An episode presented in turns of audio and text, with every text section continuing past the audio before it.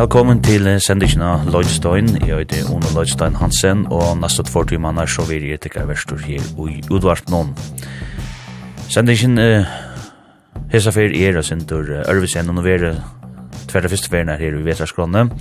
Tui at um, jeg har haft uh, gestur bavferna jeg har virja skra her til i Vetur, eller helst Vetur, og um, det har vært fantastiska sendikar. Fyrst var det Nønne, eller Jonas Langgård, som uh, just at giver en, jeg synes at debutplate ut som heter Back to You, og jeg halte det kom en spennende og hodakende sendekburs i år, praten om vi gjennom her, og en kjør gamla eh, mannen innan jeg var skalafjøren, han er atter ur Saltangara, her han og atter bor, og um, synes vi går så hei um, Onga er en Daniel Tausen uh, som uh, samverst i sendingene, eller som gest i sendingene hva man vil, Og det ble også en fantastisk sending. I Dania er et listet orskoversk, og hun hever nekv i gjøtten i elden hon, ikke minst til at hun hever givet en annen tja plate ut som heter Ja, Nøy og resten av vikene, som er ja, spika hamrande for et fyrir sida som det er, og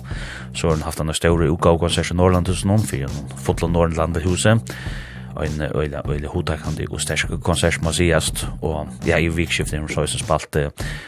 konserter. Og jeg kan lova deg at resten av hesten og ja, her vet er vet vera da nekk vi gestur og godt i Lodgestøyen til at uh, først tøvnes av folk er øyla virkjen løtne og djeva nekk vi ut. Men i kvalitet ferdig så at um, spela tøvnlag for det er nødjan tøvnlag som jeg har um, funnet fram, uh, som er ramar, til at uh, det kommer jæmt og samt og honalige er nøkter av tøvnlag ut og i halte til jeg synes at jeg vil ikke presentere nekka det beste. Halte jeg ikke over for det kunne her ute. Og jeg kan uh, si at til får høre nytt tilfell fra Royal Blood. Synes jeg og Gowan Rotche Greta Van Fleet, uh, Blur uh, Cannons som er en bakker LA som er dommer øyla vel en sko shoegaze um, hitchnar ur slow dive slipper oss fram at og um, det gjør um, Amanda Shires uh, Dear Tick Hoisier. The Pretenders Beck uh, Phoenix, Alice Merton, The Tallest Man on Earth og Nick, Nick Onnor. Sett ikk natt rá, um, etla en bildur, uh, fæði ikke noen koppa kaffe, etla en koppa te, etla en av vatt. Njóti så løten her tog at um, etta veru så sier han spika hamrande fætt. Jeg var byrja vi Trimo Sanken her, at byrja vi noen nukje senji tja,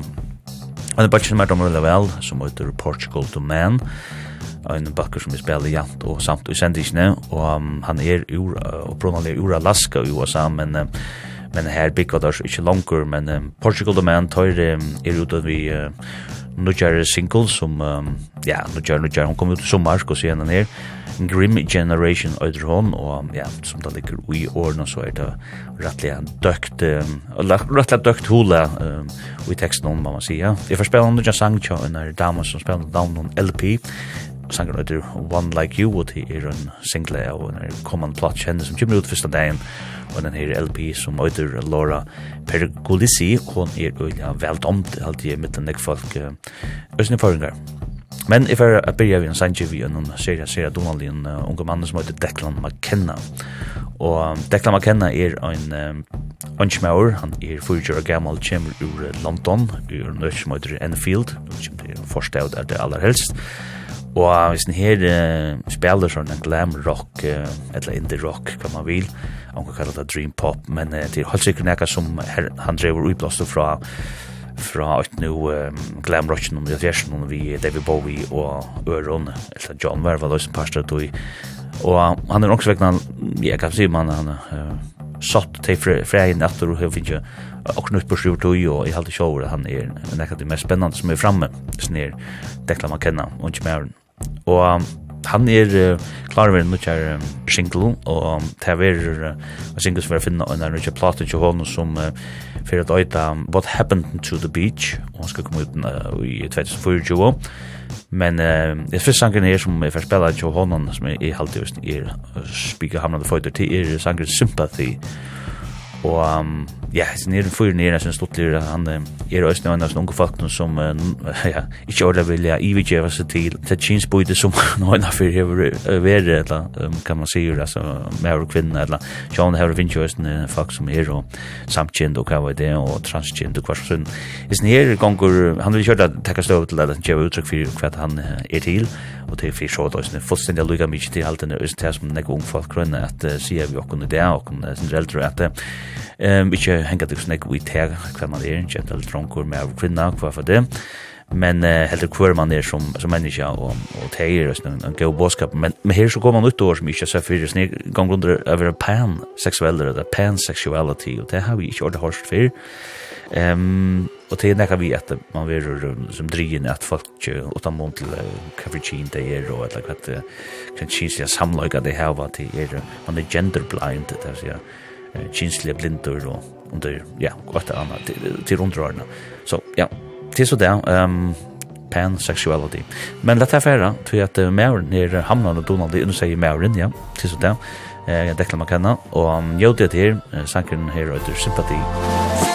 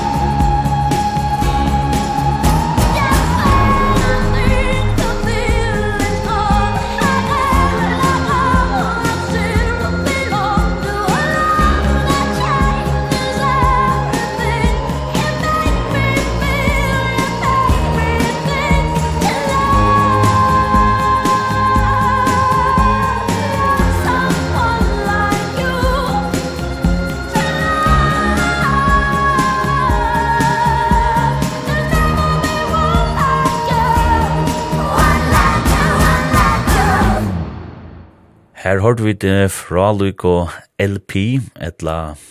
ja, hun heter faktisk Laura Pergolisi, en den her damen som kommer ur USA, hun er ur Long Island i New York, og er tvei fyrir gommel, spiller pop-rock, um, etla alternativ rock, uh, hever veri nek sangskriver, men hever så finnes jo eisne en karriere sjolv, men hever skriva sanger så fra noen som Cher, Rihanna, Backstreet Boys, Leono Lewis, Celine Dion og Christina Aguilera. Så det er ikke hissene av folk som enda damer har skrivet tøvnlag til, men lar det, men um, nå kører hun nok snakk, så det ekne alt. ja. Og hun er en parster av at nekker sangskriver, så han skal stå tøtjårene, er trakka fram uh, vi som tøvna ikke sjálf er ikke bare hava lett seg linda via vera sangskriver det kan også være nekka som vi kom årsak av at utnavn er snakk brøytter som tøvna gudnavn men, men hon donar linan er LP som hon nøyder hon verur um, kjøklar vi hon kjær plato som uh, for at um, skal vi vite hva hon fyrir oita. Hva hon? Skulle oita Love Lines sier hon og til er kjenta platan kjenne. Og han skal komme ut i, ja, 17, i september. Og hon sier om platene at um, ja, heter en platta som sier at han om hvor hon er, hendan her er så en samtkind den her, uh, LP, uh, og som man sier, this is the essence of me and what I've spent my life doing and cultivating and trying to understand and figure out. Og det har du vidt uh, sannsyn en Grim in Generation, tja Sarah Donnelly, amerikanska rockbatchen om Portugal, the man, heter en uh, sang som jeg finner, av noe kjøs platene tja, Portugal Domain, som heter Chris Black Changed My Life. Det var en plate som kom ut i sommer, og er jo større fjeppar i avisen her, bølsen om Portugal Domain, som uh, Ronan det kommer ur uh, Alaska, men uh, annars er nu er heima høyrande i Portland i Oregon. Uh, vi stilte av lort til sending som er fyrr, et løydstøyen, så har vi 100% hørst av Oxford Portugal, men du i halvtid i har spalt og jamt, eller teier av aks, jamt og samt, at det tog jeg har haft disse sendingene. Og en døylig balkor, som jeg vil stelle vim alle folk jeg fyrir dyrka. Da fyrste sangren som jeg hei i sendingene, og jeg Det er, eller vær, sympati tja Dekla McKenna, en 40 år gammal, Sera Donald, i en skutelnest av meg som, ja, mer det røyla vel, det er veldig spennende, jeg fyllt jo noen, han hever tidsi lukka som alt den glamrocken som vi kjenner fra Valfjersen, og så tidsi han vi sær inn og her nutje tøyina, og åksvegna finnes nekka nutt og spennende borsi jord. Øyla, Donald er fyrus ned, og han kjem så som vi har nutjar plato, som han sier, fyrir vi vil han rettelig ørvis, enn det som han er gjørs avur, og han lysta så sånn at han er rønt her etter til liksom, røtene av sånne sjangskriving, at han ikke også for nek om det vinnerlige og i tog jeg vera tøvnlista folk, men heldur at um, finna gleden av det som man sett og George inn i kameran og han var unger, eller han er unger, han var 40 år, men da han var yngre, og ta maten han byrja da han gjør tøvnlag, til at ja, hvis man misser ta, ja, ta gleden av at uh, gjør tøvnlag, så er det kjøtt at det kan ganske plura sin strutje, og fyrir kjennes som arbeid ikke tog, at det blir det vel på et eller annet tørspunkt, at det er ett arbeid, at det er kjørt annars så så hade jag blivit professionell och till helt enkelt gällde då men men det är nog han är nog att så missa vad kallar man den en norstan som som han har haft men det är så det som han uh, säger om sig kommer blattna som uh, för öda what happened to the beach vi får avgöra vi får avgöra vi uh, Russia The Falling Sky og rundt singla tja Donald Jam ganska rockbatch Greta Van Fleet eller Greta Van Fleet. Jeg tror også den bølgur som jeg har spalt Nick i sendingene. Nå ja, platan tja Greta von Fleet og øyder Starcatcher, og jeg held sjåur at dette her er øyder Moira eie og jøgnen for uttrykt har hava funnet sær til at det er tiden, og ikke løgnet at det tar er en balker som hava eh, dyrka halvfjersa rotjen bi Led Zeppelin og Øron, og ja, og det er för vi mina vi moda hjärta stjärna till att att jag vill gärna höra sådana rocktoner gå snett down till Led Zeppelin spelar inte längre så vi står ikke spela som mange andre gjerne, og det gjør så sier til det større godmedaljen, og det råd det fantastiska vel, det har vi hørt live også. Men har vi finna å egna sånne egne musikuttrykk og sånne egne samlager, more og more halvdige, og til oss gledelig uh, sterk platan er starka kjern, men uh, glede tikkum til Tansanjin. Jeg får spela noen sang til Blur, som heter Barbaric, Blur er utvinnet kjern platan, men jeg får byrja vi uh, en enskon batje som oitur Royal Blood, og Det her er ein uh, fantastisk balkur som, uh, ja, balkur er sin naksfakt, det er en duo. Det er faktisk bare tvore manns som er vi, annars spiller trommer, hinn spiller bass, og Det tror jag också säger att har kun och rocka så här som det gör att att jag har hört live och Roskilde och Orange Patlon och tar rocka allvarliga harste sig för andra. Men där då är Sandy som skriva fängande rock Sanger och på nu är det så ute vi vi nutchen tillfälle och nu tja platan som er just kom ut som heter Back to the Water Below og det er jo henne vi skal høre den her Hendan er sangen her som, um, øyde så mye som Pull Me Through.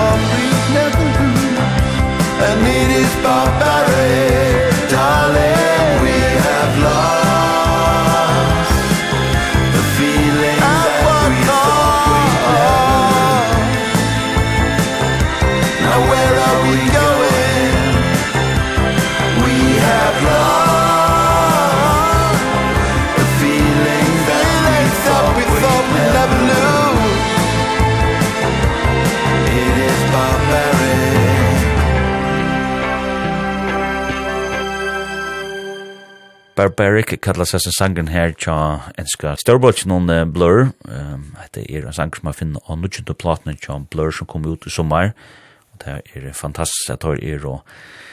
virkner enn ser her bretaner eller ansmenner som uh, ja Her var i førjon, her det er ganske ikke så det er ikke som vidt det, men det var altså i det kjenner skjel fem spørter, altså og spalte en konsert og i høttene og holdt seg i havn, ta det var i absolutt hattene eh, blør, ta vore det så større som der nekkan de har vært, og ta enda der uh, god hjelp med i høttelig halse, farger våre sånn her post, uh, Fudja Krepp og Tui, og ja, det er en gjørte en fantastisk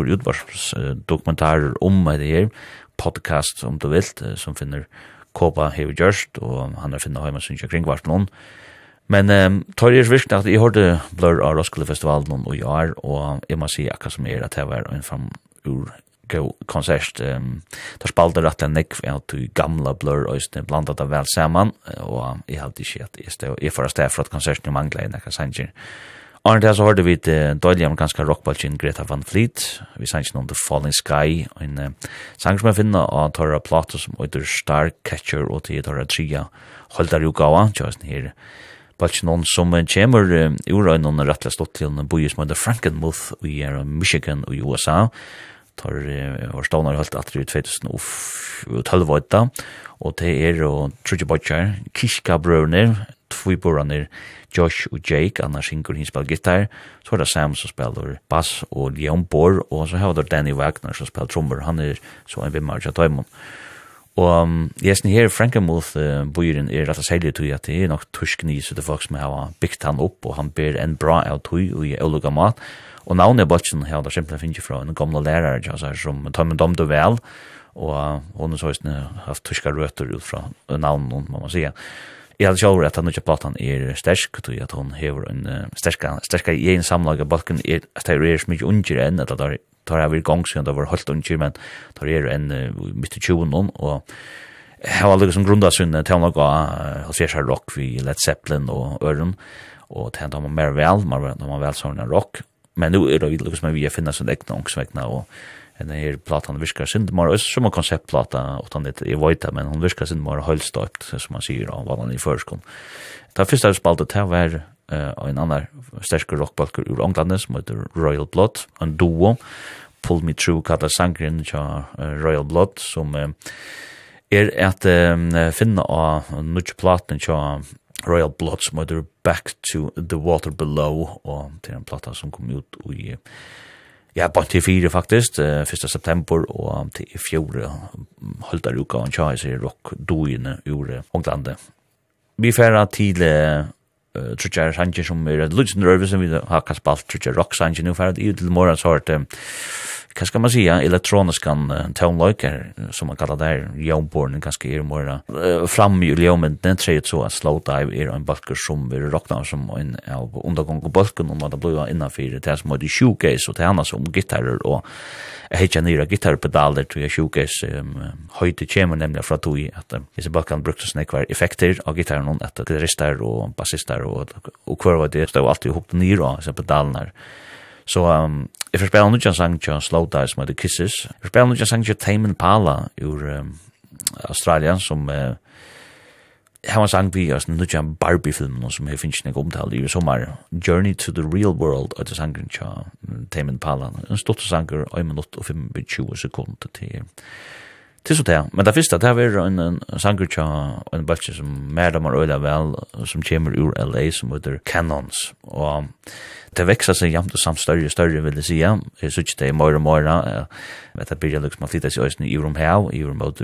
Europa, det veksa øyla borar dikt, til at det ikke eksploderer, men blir spekla større og større, større Og så er nødt sanger som jeg får spela til tøymon som heter Desire. Han um, ved å finne en nødt plate som for å Heartbeat Highway, og når hun skal komme ut er ikke ordet grøtt enn, men det er vel så fjorda um, platan der uka og han tja, snir Donald i Balsen. Vi har njøtt det, det er mer damer ølevenn og stilen her, som er, man hører nesten at det her er folk som bygger i en steg, her sjål og skudde nek, det er, det hever til, til kjenslen i USA, vil jeg si. Cannons We Desire.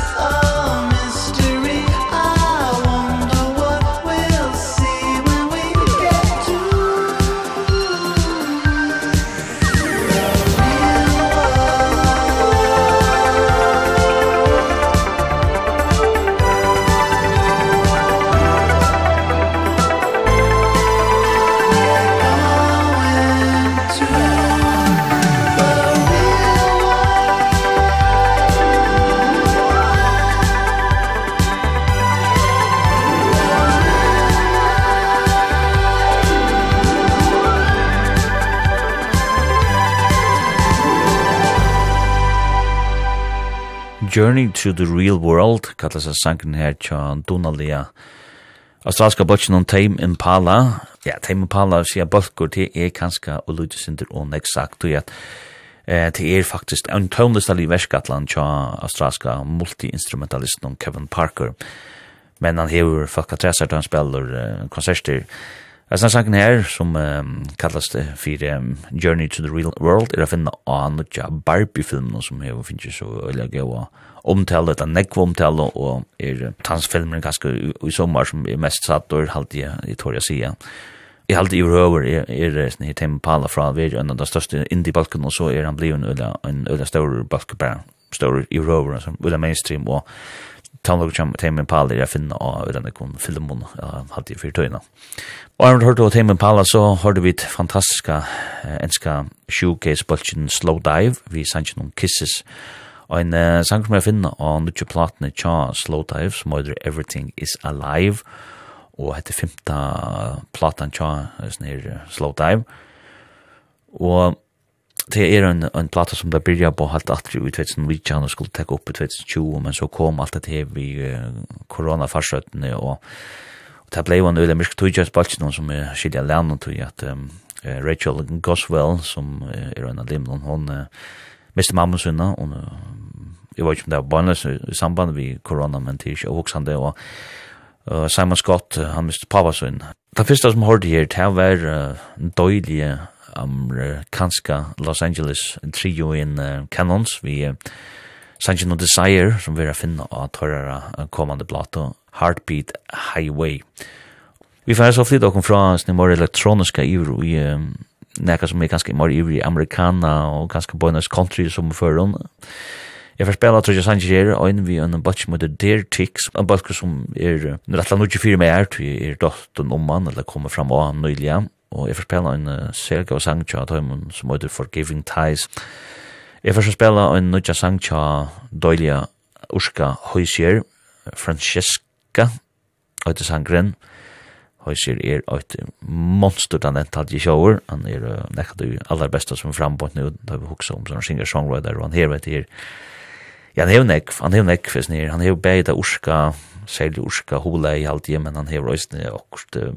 øyla stora rødt og så just nu nærmast ivrig gospel og en av beste som er framme nu og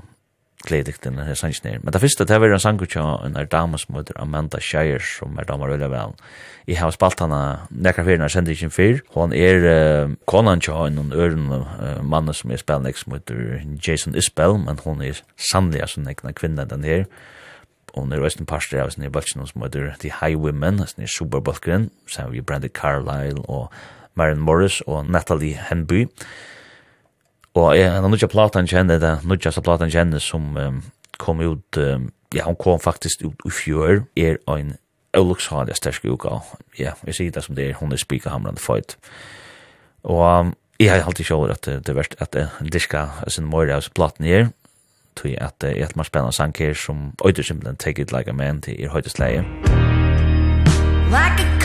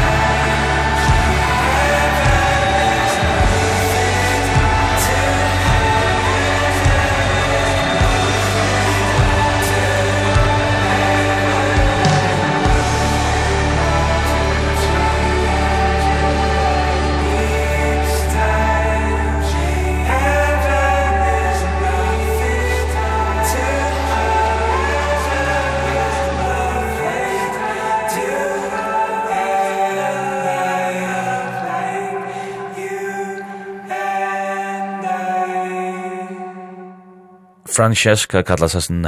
døylig sangren her tja Urska Andrew John Hoysier Byrne, eller bare Hoysier som han eh, spelt han like under. Og hans sangren er a finna av nutje platene tja Hoysier som um, øyder Unreal on Earth, og hon kom ut i august uh, i år, og ja, jeg må bare si akkurat som er at, um, at jeg er større, større fjeppar i avisen her, 33 år gamla mann hon ur Newcastle, on the bøys Newcastle i Orlandet. Og det her er sterk sangskriving og sangkor. Det er frá fra frá blues, rock, soul, folk og R&B alt í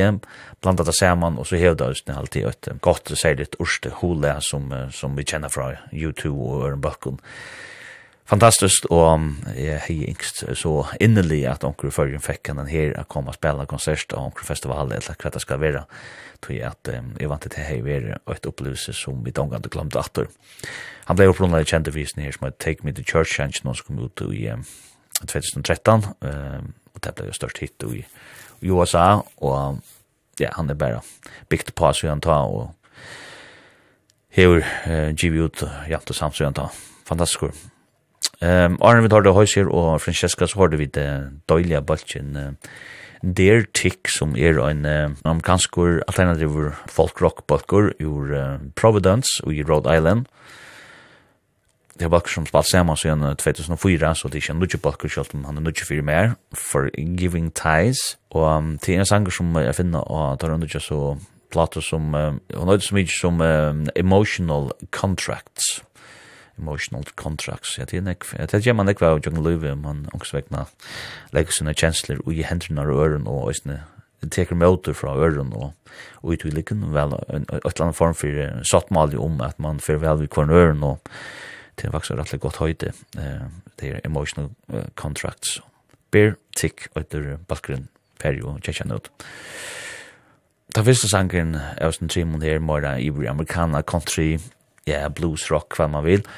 Det var uh, sangren uh, Take It Like a Man, høytesleg av uh, platene til Amanda Shire som kom ut i 2022, men uh, en platta som jeg ikke ordentlig er klar å slippe enn, og tog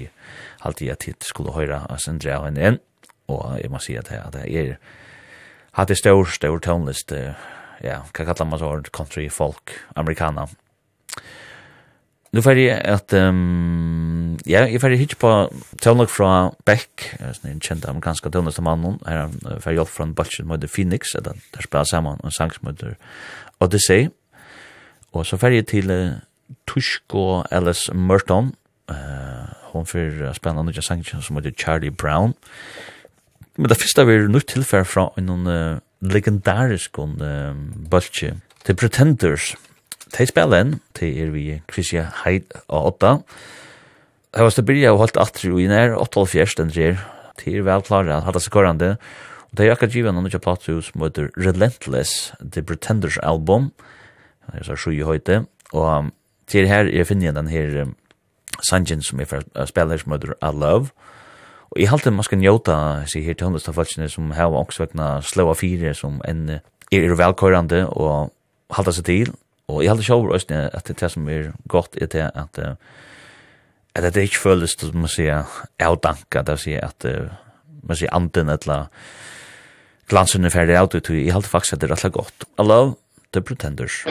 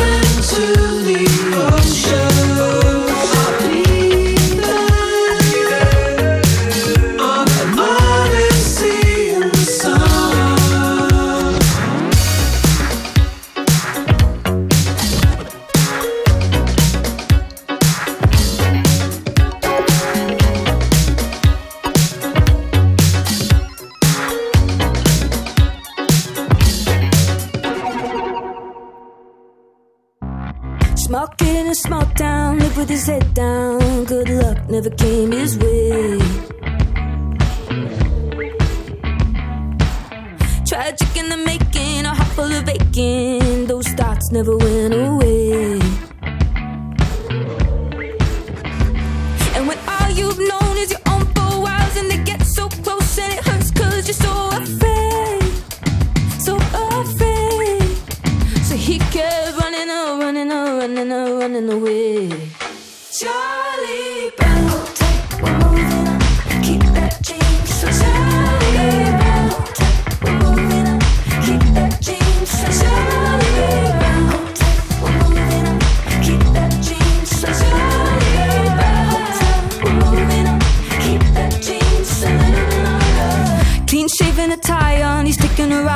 a bus to town in a far off land. Still stuck in the dirt there was nothing but hurt. Too bad that clothes don't make a man.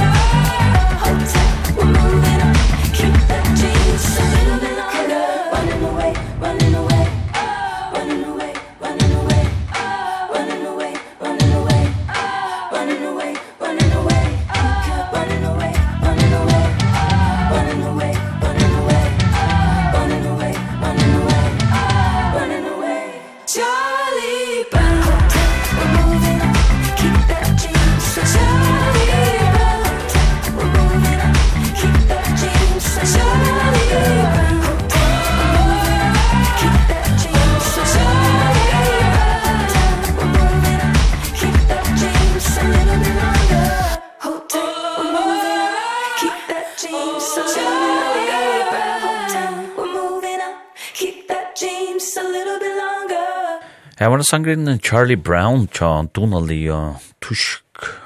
ensk og jeg heldig fast også kanadisk og Alice Merton de lykket hvis jeg om at jeg, jeg sa rett her på nå. Ja, hon gong, nei, bøy nå, hon gong for å være tusk, ursk, kanadisk sangarinda og sangskrivare, men eh, bor i Bretlandet. Eh, hon er øyla donalindan her, som er 30 år gammel, Hon um, har virkelig haft vivind så gjerne hon uh, kom brekande inn av Tøndagapaddelen vi selger vi uh, singlene No Roots som er, er råkna som en debut single og til en, en uh, single som uh, ble nek spalt selv i USA og hvis du uh, slags jøkken i USA så ja så så, så, så ganske koma lengt. Og til til hon kom den her. Hon er så gjerne givet tvær plater ut, um, mint kom faktisk Nujjan, og så kom uh, Sides 22. Arda hørte vi uh, sangen uh, Odyssey, uh, tja Beck og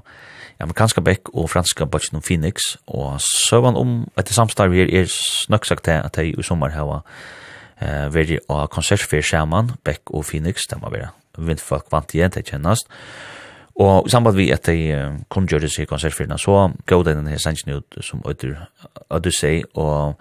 som var konsertfyrna et nemlig Østen til Odyssey. Ja, til søvann. Og den første jeg snitt til sangen, det var sangen Allo, tja fantastiske bøtjen The Pretenders. Sangen er finna av platene som heter Relentless, som ikke kom ut. Vi fær så til, um, hva skal man sige, sin nummer singer-songwriter, country, amerikaner, tøvnagatter, og Jeg spiller han ikke sang tja Jason Isbell, og han sier at The 400 Unit, spiller han sang tja Kone tja Jason Isbell, som heter Amanda Shire, og Janne, hon spelar så som vi batchen och mannen hon uh, snäbb bakgrunds på the 400 unit och därför spelar middle of the morning. Jag vill spela en sang till Orville Peck's med The Roses Are Falling. Det är en fantastisk ja, sur afrikansk kanadisk tonlistamärn som spelar country town like men uh, spelar sig nek vi uh, country uh, utrykje seilig man sier. Det er macho og kopa utrykje, han er samtjendres ned og han uh, spelar seg vi stereotypene i akkurat en country-sanger skal være og det gjør han utrolig vel. Det første vi hørte av nytt fra svenska The Tallest Man on Earth, er en sån nytt platt skulle høre sangen Looking for Love. Looking for Love.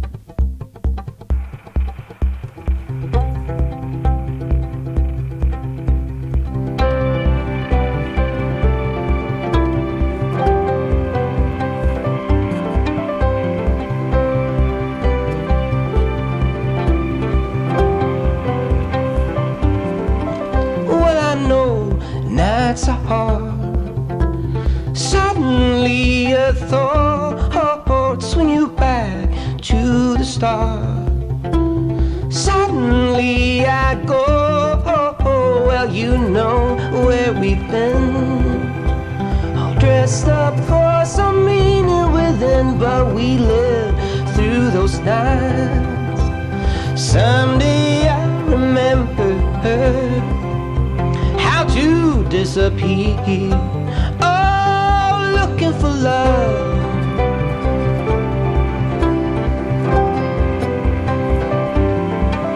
We are tied to the wind. And everything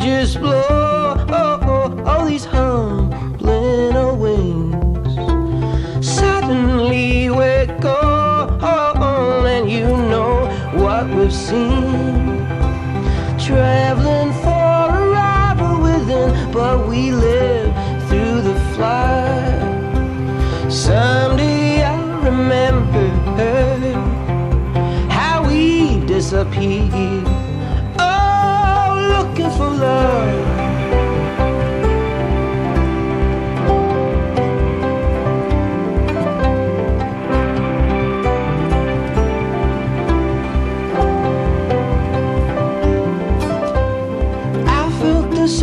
just returned to my eyes. Been in the arms that you've thrown around. I felt the sleep long and dreamless one But some days I reach for the things I don't need. In all the wrong places so you can believe. But I've been around to see the pattern show. And see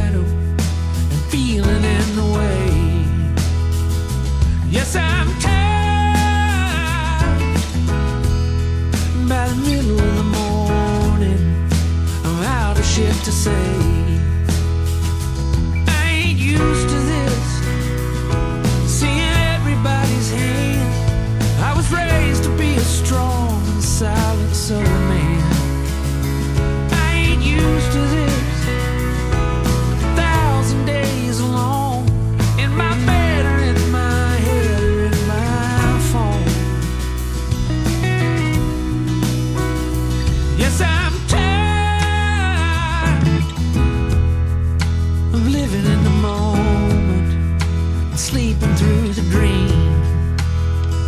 I step outside in the middle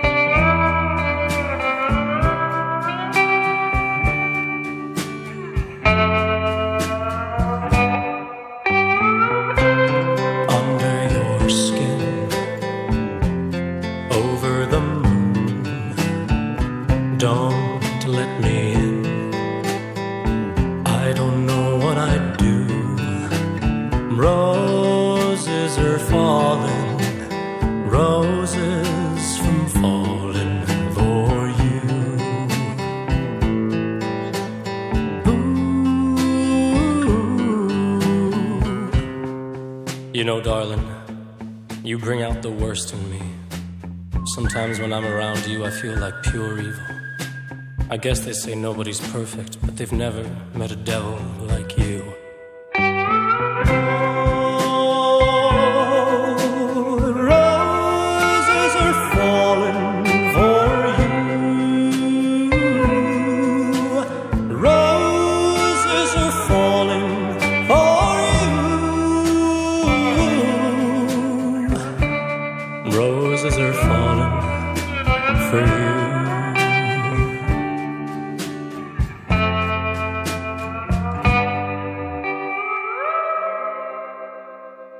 døylige sangren her, uh, Roses Are Falling, tja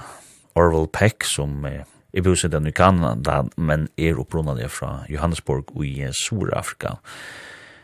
Sangen er, at det er faktisk en av de uh, eldre sangen, eldste sangen som faktisk er i sendingen, han er faktisk fra 2009 av utgående Pony Charleston her, Orwell Peck, men uh, med damer som er en sangen, at jeg også skulle spille han, tog jeg vil høre flyt av Orwell Peck, og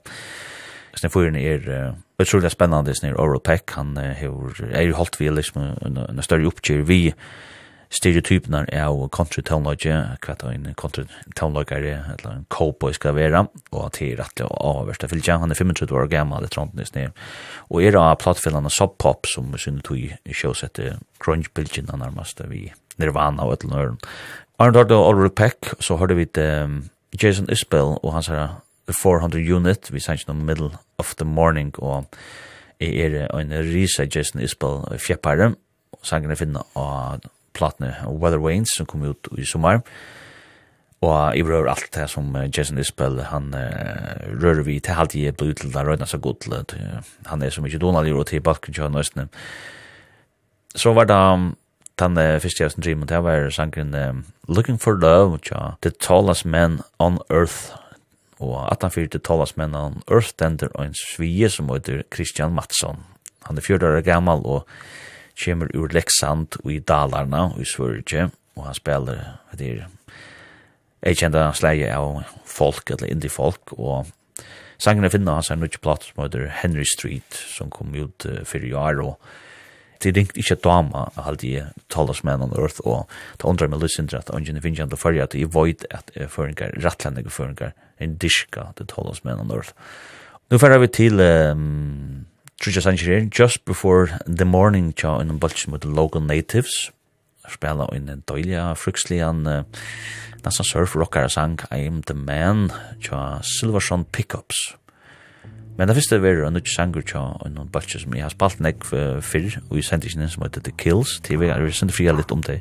og han har løtt om, men det er kommet at røy at The Kills, sangen kattas for New York.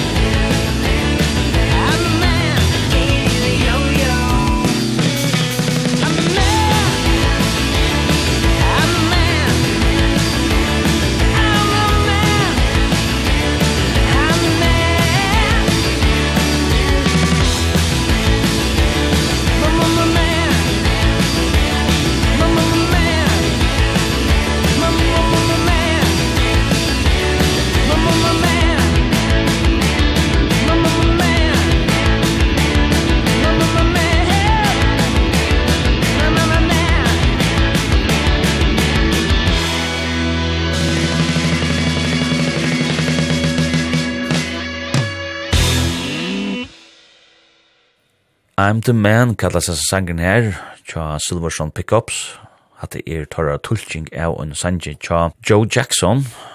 handa tulkingen av uh, I'm the man, tja Silverson Pickups, er a finna av einar Netflix rød som oidur The Lincoln Lawyer, uh, og det er, uh, sangen er a finna av nasto sesong av hans her røyne. Ja, fói tulking er, og man damar øyne vel faktisk, den her uh, Silverson Pickups, det er sort. Ja surfrock i vet du alltid, ja. og han tis jo, da det bakken kommer i LA, og tanksvegna um, mindar hulei, Onkur vil bakka drøyst under showcase som vi tar i Janne og Dream Pop og alternativ rock. Stånar atter ut 2000 spalkene, så han er spalt i nekvare trontene, og jeg tenker jo 30 år. Arne, har du Silva som pickups, har du vidt en annan balk ur Amerika som heter Local Natives, vi sanns noen Just Before the Morning en døylig balkur gjorde um, Orange County i California i USA, spalt siden 2005 og spiller sånn indie rock. Altså denne sangen her er, um, jeg finner en uka som heter Time Will Wait for No One, som kom ut i sommer. Sjálfur alltid bare til det som jeg hører av Logan Natives til godt, og tog spela etter fyrir kun, og det er kanskje ikke rannig langere enn til Og hvis du damer det så må det være at du skal da, og minnes til hver du hørte først. Det første er også Nitrimo som vi hørte her, det var så sangren New York, tja fantastiska balsen om The Kills, det balsen om ganske sånn eksakt, det er faktisk en duo, det er tvei folk, Ellison Mossart og Jamie Hintz, som spelar saman, og de har givet tver singler ut, samband vi at de har holdt vi en rutsa plat som skal komme ut nå første dagen, som uh, fyrir høyta God Games, men uh, jeg ser singler som de har givet ut nå, som nevnte, tar jeg sett sannsjonar, det er at uh, at det synes igjen, jeg har snakket fra fra og det er det også, det er jo tjej år siden vi har snakket fra The Kills, så det var ikke lojt som jeg har nær sagt. Jeg får enda, jeg har tossa uh, rutsj litt, um, og jeg får enda vi uh, Simon sangen her, jeg får enda vi uh, Vampire Empire tja Big Thief, nu tjingle fra oss nere, da er det kanskje bare stånd, jeg får at um, spela en sang tja en er Corin Bailey Reyes, vi er en sånn singer-songwriter, og en ensk, men nu er jo brått totalt stil, og Tider Lassan hever framlagt en av platet kjenne, og eller hvordan han sang sammen med henne, du skal det om det ikke selger, han en en enn til neiot, men han går sig skriva en sang og framlagt en sang Men hon er så brått øyla storlanda her, Karin Bailey Ray, og nu tja singla henne som heter New York Transit Queen er nekka alt anna. Fyrsta vi tå sindra av blues fra øynen som heter Robert Finlay, What Goes Around Comes Around, og tenker man så å si om Lodstein, er vi rett og i neste vik. Og hvis du vil ha disse sendingene og era sendinger til Lloydstein, så kan du være inne og hjemmesøyene kvf.f og framskalt Lloydstein. Det kommer også ut av Spotify, Lloyd etter Lloydstein, og fyrir vi her og snøvist der. Og minst til å skru opp for utvarsen at du neste torskvöld klokkan 20, tog at ta verur Jekvan uh, gestur i sendingene, Jekvan Johansen som uh, gav plate ut i sommar, til vi og hevda godt til da, og ansvar til min show. Alt det beste.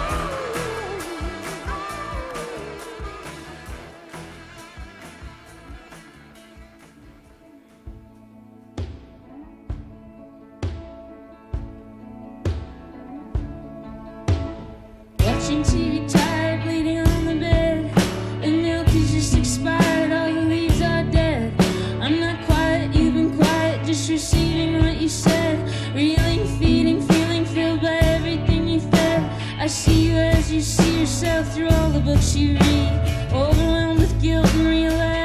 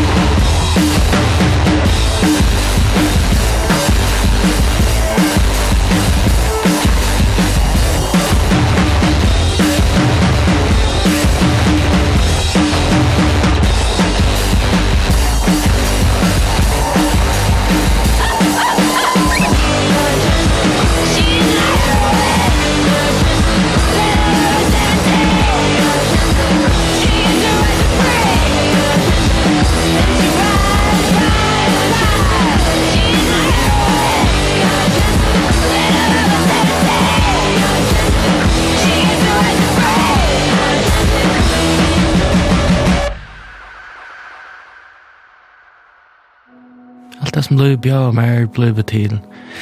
iskinger, det ble til tøvner, og ja, det er det som tøkken handler om. Og i sommer utgav Jekvan Johansen sina første plato, Tøgn.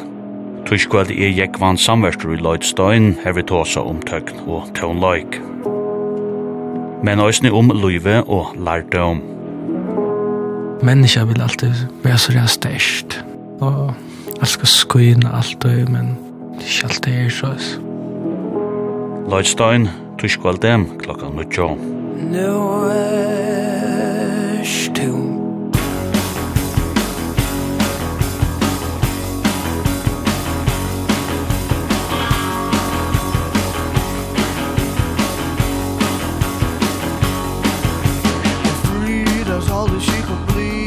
why she'll never stay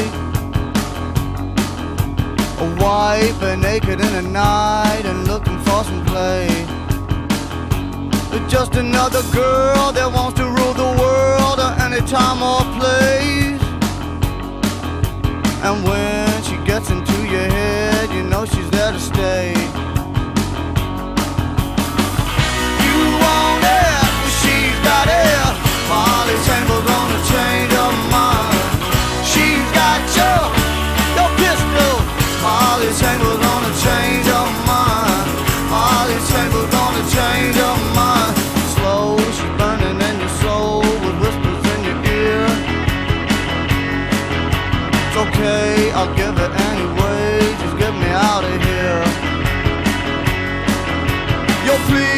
get down on your knees for just another taste. And when you think she's let you in That's when she fades away.